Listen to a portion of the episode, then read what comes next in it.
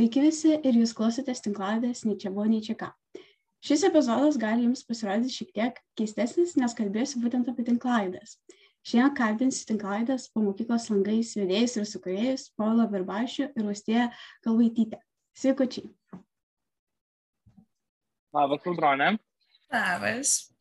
Tai pirmiausia, kaip jums sekasi?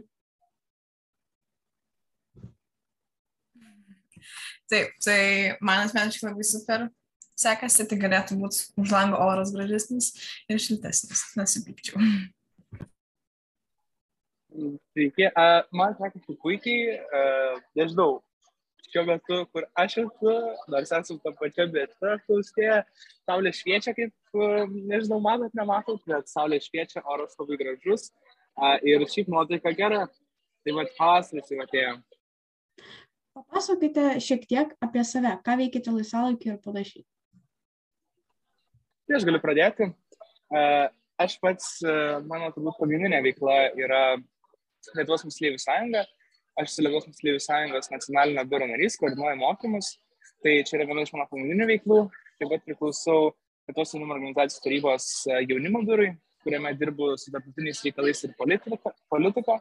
Koordinuoju komitetą būtent šios srities. Taip pat labai mėgstu dainuoti, šokti mokykloje, būtent priklausau mokyklos muzikiniam ansambliui. Uh, tai va, tai tokios mano veiklos iš esmės, uh, dar, bet, bet aišku, ir kitų savanorysčių turiu, na, bet gal per daug neišsiplėsiu. Taip, tai aš taip pat priklausau Lietuvos moksleivių sąjungai, bet esu Kauno padalinėje ir koordinuoju darbus valdom komitetą, taip pat esu ir jaunimo politikos komitete, prisidedu prie Kaunas 2.2 veiklų, esu Kauno iššūkio programoje, kurią kaip tik dabar baigiu. Taip pat esu programoje jaunimo savanoriška tarnyba, bei šiaip laisvalaikiu užsiemu savanorystę įvairiose renginiuose. Tai ir aišku, po mokyklos langai podcastas, kurgi nuo to nepaminėjus. Kitas klausimas yra jums toks pats, kurį aš savo pati uždaviau savo pirmame e, savo tinklaladės epizode. Tai kaip jums kilo ši idėja sukurti tinklalaidę?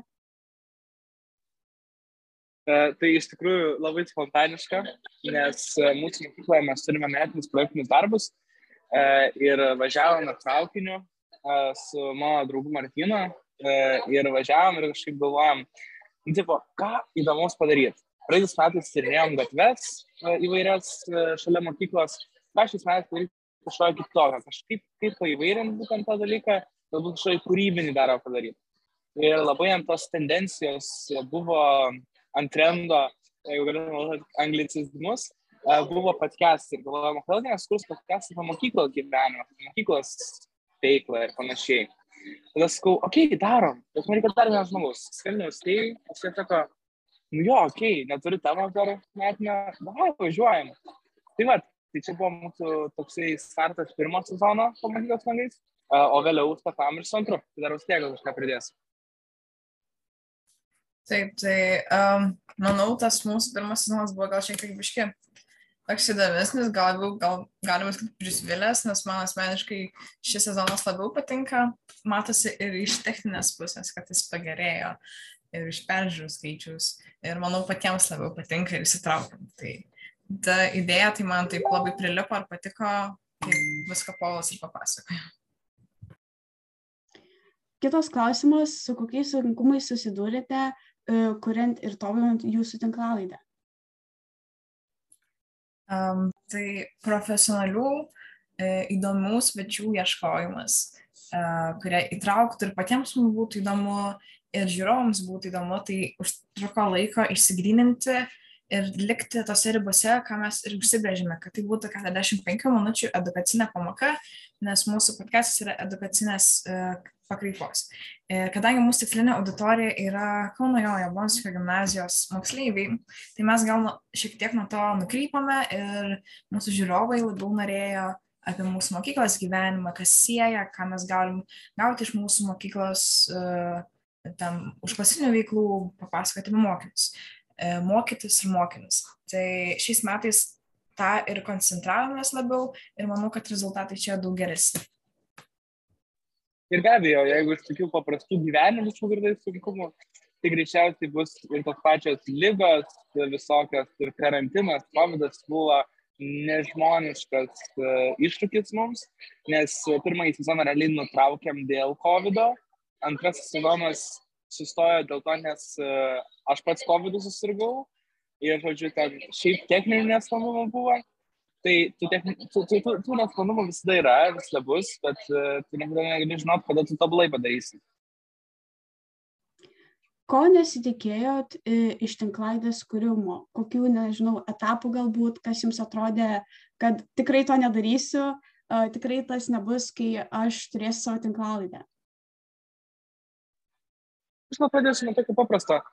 Žinot, kai iš esmės pradedi žiūrėti podcastą, bet kokį, bet kokį podcastą įsijungi, atrodo, ai, kas čia tokia yra, dieve mano, susėda trys žmonės, keturi žmonės prie mikrofono, e, kalba, plepa ir viskas. Nu, tipo, kodėl kiekvienas žmogus negalėtų turėti podcastą, taigi čia taip lengva yra. Bet kai pradedi kurti, tai tau, tu supranti, ant kiek daug tai atneša sunkumų ir iššūkių, dėl to, nes iki tol, kol, iki tol, kol tavo podcastas prieis iki galutinio rezultato, iki tol, kol jisai dais normalaus produkto, tu turi dirbti nežmoniškai daug. Taip, labai tikrai sutinku su tuo ir aišku, kliūtys kaip technika, tas toks atrodo labai paprastas, bet visi tokie susideda, kur labai labai nesitikė, kartais tenka suktis iš padėties, kaip, o, net važiavo kamera, ką darom. Tai tokios netikėti dalykai uh, ir moko. Dar pridėsiu, kad, nu, prasme, niekada negali, nu, prasme, jeigu tu pradedi pakestą daryti, tau reikia vienu metu būti viskuo. Tu, tu turi būti ir kalbėtojas, ir geras diskusijos moderatorius, ir turi mokėti valdyti, nežinau, vaizdo sistemas, jeigu tu filmuoji podcastą, ir garsą montuoti turi, ir viešinti patį tą tinkladą. Tai čia yra žiūri daug dalykų susideda. Minėjot, kad jums uh, pačioj pradžioj kilo šiek tiek uh, sunkumų ieškant pašnekovų. Tai kaip jūs atsirinkdavo tos pašnekovus, kurie jums geriausiai tiktų jūsų tinklalaidai? Iš tiesų e, galvodavom temas, e, tarkim, viešasis kalbėjimas ir ką mes čia galėtume pasikviesti. Aišku, įdom per pažįstamus, per mokytojus, e, per draugus ir taip stengiamės taip integruoti, kad būtų gal iš jauno žmogaus yra paprasčiau ir įdomiau išgirsti negu iš mokytojo ar lektoriaus. Ir šiaip dar, nu, pačia pradžioje, tai žinai, vis tiek nebuvo taip, kad visi norėtų ateiti podcast'ą. Tai imdavai ir formuodavai temas pagal tai, kas jau sutinka ir ateiti ir jau tai, kas, nu, kas gali. Tai, nu, čia net ir mūsų antras epizodas buvo va, taip, va, nufilmuotas. Įrašytas dar tuo laikais labai įdomiai, nes aš asmeniškai kaip tik darau priešingai. Aš pirmiausia susižiūriu, kokį žmogų aš norėčiau pasikviesti ir tik tada galvoju, ko aš jo galėčiau paklausti ir panašiai žiūriu pirmiau į asmenybę. Tai iš tos pusės labai įdomu buvo išgirsti. Kitas klausimas. Pas mūsų mokyklai metinius projektinius darbus reikia daryti pasirašęs sutartį su tam tikru mokytoju. Tai ar pas jūs irgi taip pat yra pirmiausia? Jo, jo. E, ne, aš, aš pats kuravau patį procesą kaip metę projektinę darbą, tai galiu pasakyti, kad čia nebuvo lengva. nebuvo lengva atsirasti, kas pasirašytų tokios aferos. E, ir ėjom pirmiausiai mes su Martinu pas mano anglų kalbos mokytoją, e, Jūra, tai labai didžiausi linkėjimai jai, e, bet, nu, jis sako, a, aš nesudarius to, aš nesuprantu, kas tai yra, aš gal pas pas, pas pasuoju. Tada nuėjom pas uh, mokytoją Rytį Jezukevičių, uh, didžiausias meilės jam. Jisai sako, gerai, tebūnė, aš neturiu laiko, bet gerai, važiuojam, tik į priekį. Tai sus, susitarėm su Ryčiu, dar pasiėmėm kaip konsultantus tą mūsų anglų mokytoją Jūrą e, ir dar pasikvietėm mokytoją Renatą, tokia yra mūsų, mūsų istorijos mokytoja, kuri labai mėgsta laisvalaikį podcastus klausyti. Tai būtent e, tokį ir surinkom e, mokytojų komandą, o antrais metais mes jau nebeturėjom kaip metinio projektinio darbo, nes 11 klasė nėra privaloma. Tai mes e, be, be, be, be bet atsakingo mokytojo turėjom garbę. Kaip jūsų klasiokai ir artimieji reagavo į šitą idėją, kad jūs darote tinklaidę ir keliat epizodus uh, ir pačią tinklaidę į viešumą? Iš tiesų buvo visokių mano reakcijų. Draugai palaikė, patys klausė ir laukdavo, kaip YouTube yra tas uh, laukimas, kur gali laukti, tai visi laukdavo. Uh, tai toks uh, malonus būdavo, o išmokti tiek pat ir iš ryčio gaudavom uh, tokį kaip ir feedbacką, jis atsiunčia kitokių podcastų ir sako, o tai galėtume taip padaryti, galėtume tą padaryti. Mes iš pradžių kėlėme tik tais garsą, nusprendėme paskui kelti ir vaizdą, nes tapo patraukliau ir matėm, kad mūsų žiūrovams taip yra fainiau. Taip pat iš savo auklėtas gaudom komentarų ir pagirimų taip pat ir iš klasės draugų, ar šiaip mokyklai prasilinkiančių žmonių. Ir paskui po kiek laiko pradėjom girdėti ir iš kitų mokyklų žmonių, kad, o, gerai varo, toliau varykit. Tai tas palaikymas jautėsi, taip pat ir, aišku, gaudavom pastabų, kaip darėm apklausą, tai visi mus skatino toliau dirbti ir tobulėti. Antram sezonė, kas yra įdomu, pasireiškia daugiau kritikos, a, iš išorinių visokių aspektų. A, jau, jau iš mokyklos viskas tvarkoja, visi palaikė visą kitą, bet žinot, jau atsirado ir tokių, kur mes kvietėm mokytojus ir kiti mokytojai paklausė tą podcastą ir mes sakom tam kitam mokytojui, tai ateik gal pas mus į podcastą. Ir jis toks sako, nu, aš nenoriu, kad jis iš manęs tyčiojas, nes tai, nu, ta, tai va ir buvo, kad labai šiaip šiltai priėmė, bet visokių va tokių va buvo. Minėjot kad jūsų tinklalaidė yra orientuota į jūsų mokyklos mokinius bet aš pati e, esu ne iš jūsų mokyklos pirmiausia antra minėjot kad tikrai sulaukiat labai daug iš e, klausytojų ir pastebėjimų iš kitų mokyklų. Tai ar jūs tikėjotės tokio populiarumo taip tai um, aišku kad manau norėjom kad išeitų ne tik iš mūsų mokyklos ribų nes Taip, tai buvo mūsų metinis projektas, kuris gal tiesiog labiau buvo skirtas išsitestuoti, pažiūrėti, nes jis tiesiog buvo toks e, kūrybinis darbas, testuoti tą mūsų teoriją, ar edukacinė, e, ar eduk, edukacinė tinklalaidė yra gera, edukacinė priemonė, kažkas tokio, tik tai neprisimenu. E, tai buvo labai smagu, kaip išėjo už mokyklos ribų, vis tiek mūsų draugai e, pažįstami, buvę klasiokai mokosi kitose mokyklose, taip ir pridinosi viskas. Tai, manau, to ir tikėjomės ir norėjomės, kad tas projektas būtų daugiau negu vien mūsų mokyklos terpėje. Kitas klausimas, ką galit patarti bendramžiai, klasiokui ar tiesiog draugui, kuris irgi norėtų pradėti arba kažką panašaus, arba irgi norėtų pradėti tinklalaidę?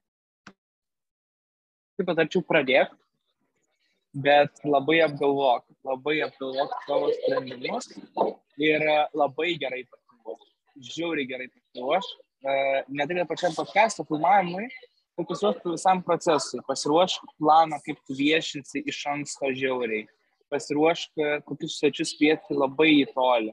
Jeigu nori, kad tas podcast'as būtų reguliarus, tai ir labai reikia susiplanuoti, dėl to, nes e, reguliarumą yra labai sunku išlaikyti.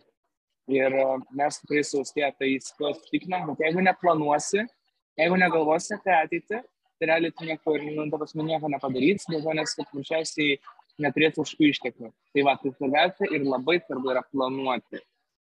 Dar gal šiaip iš patirties, bent jau man tai primtiniausia, kad, pavyzdžiui, nesifilmuoji daugiau epizodų, jau susitvarkai, viešinimą ir taip toliau, ir tu jos pabiški leidėsi ir kol leidėsi gali kitus filmuoti e, iš lengvo, paprastai, e, neskubant, nes jeigu tu filmuoji, pavyzdžiui, kas savaitę leidai tinklalaidę, tai turi kiekvieną savaitę filmuoti, leidai ant tokios įtampos ir panašiai, tai tiesiog geriau turėti rezervę, tarkim, susirgi koroną. Jau tada negali palaikyti su žiūrovu to kontakto ar pastovumo, tada reikia tiesiog turėti rezervę medžiagos, kurią galėtum dėti. Tai kaip ir paskutinis klausimas uh, iš manęs jums, uh, ar jūs žada tęsti savo tinklalaidę ateityje? spoiler alert, uh, turime tris nusifilmuotus podcastus išleistus. Uh, be, beliko, tai reikia smulkmenėlę padaryti, juos sutvarkyti, sumontuoti ir įkelti. Tai aš manau, kad tęsim sausėjame šitą dalyką vienaip ar kitaip. Norisi labai kažkaip pratesti. Tai gal dar pridėsiu.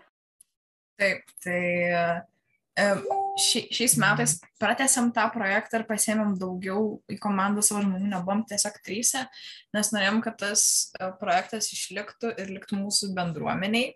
Mūsų, buvo, buvo mūsų tokia idėja, tai jeigu tas projektas išliks, kaip mes jau baigsime mokyklą, tai būtų visai smagu, kad uh, galbūt būtų apklausimi ir nauji, naujos mūsų mokyklos žvaigždutės ar nauji mokytojai ir panašiai, kad tiesiog būtų tęsiama ir kuriama mokyklos bendruomenė.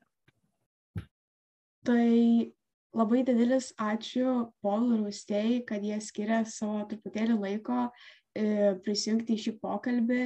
Linkim sėkmės ateities projektuose bei moksluose ir jų tinklalaidą po mokyklos langais galite rasti Spotify, e, Instagram ir Facebook platformose. Tikiuosi, kad visas paminėjau. Jeigu ne, tai tada papildykit. Jo, svarbiausia, pirmiausia, YouTube, nes ten išeina daugiausiai darbo. Tai e, YouTube pamokyklos langais visada užsukite, klausykite, žiūrėkite, sekite. Ir mums labai daug reiškia tai, kad jūs mus papolovinsit Instagram'e ar palaginsit mūsų nuotrauką. Tai mes labai džiaugsimės kiekvienu jūsų įsitraukimu. Ir tikrai dėkojom ir tau, Dronė, kad pakvietei, kad klausai mūsų podcast'o ir kad atpažįsti mus ir pakvieti sudalyvauti pas save labai džiaugiamės tikrai dėl to ir tikrai uh, tikimės, kad ir tau seksis tavo podcast'ą. Kiek man teko klausyti, tikrai yra taip pat irgi įdomus ir įtraukus. Tai uh, jeigu paklausyti iš tos vietos, uh, tai siūlau tęsti peržiūros ir perklausas ir toliau tiek mūsų podcast'o, tiek mokyklos langės, tiek audronė. Ačiū labai dar kartelį Jums ir mano tinklalaidą galite rasti Spotify, Instagram ir Enko platformose ir susitiksime kitame epizode. Ačiū ir iki. We'll be right back.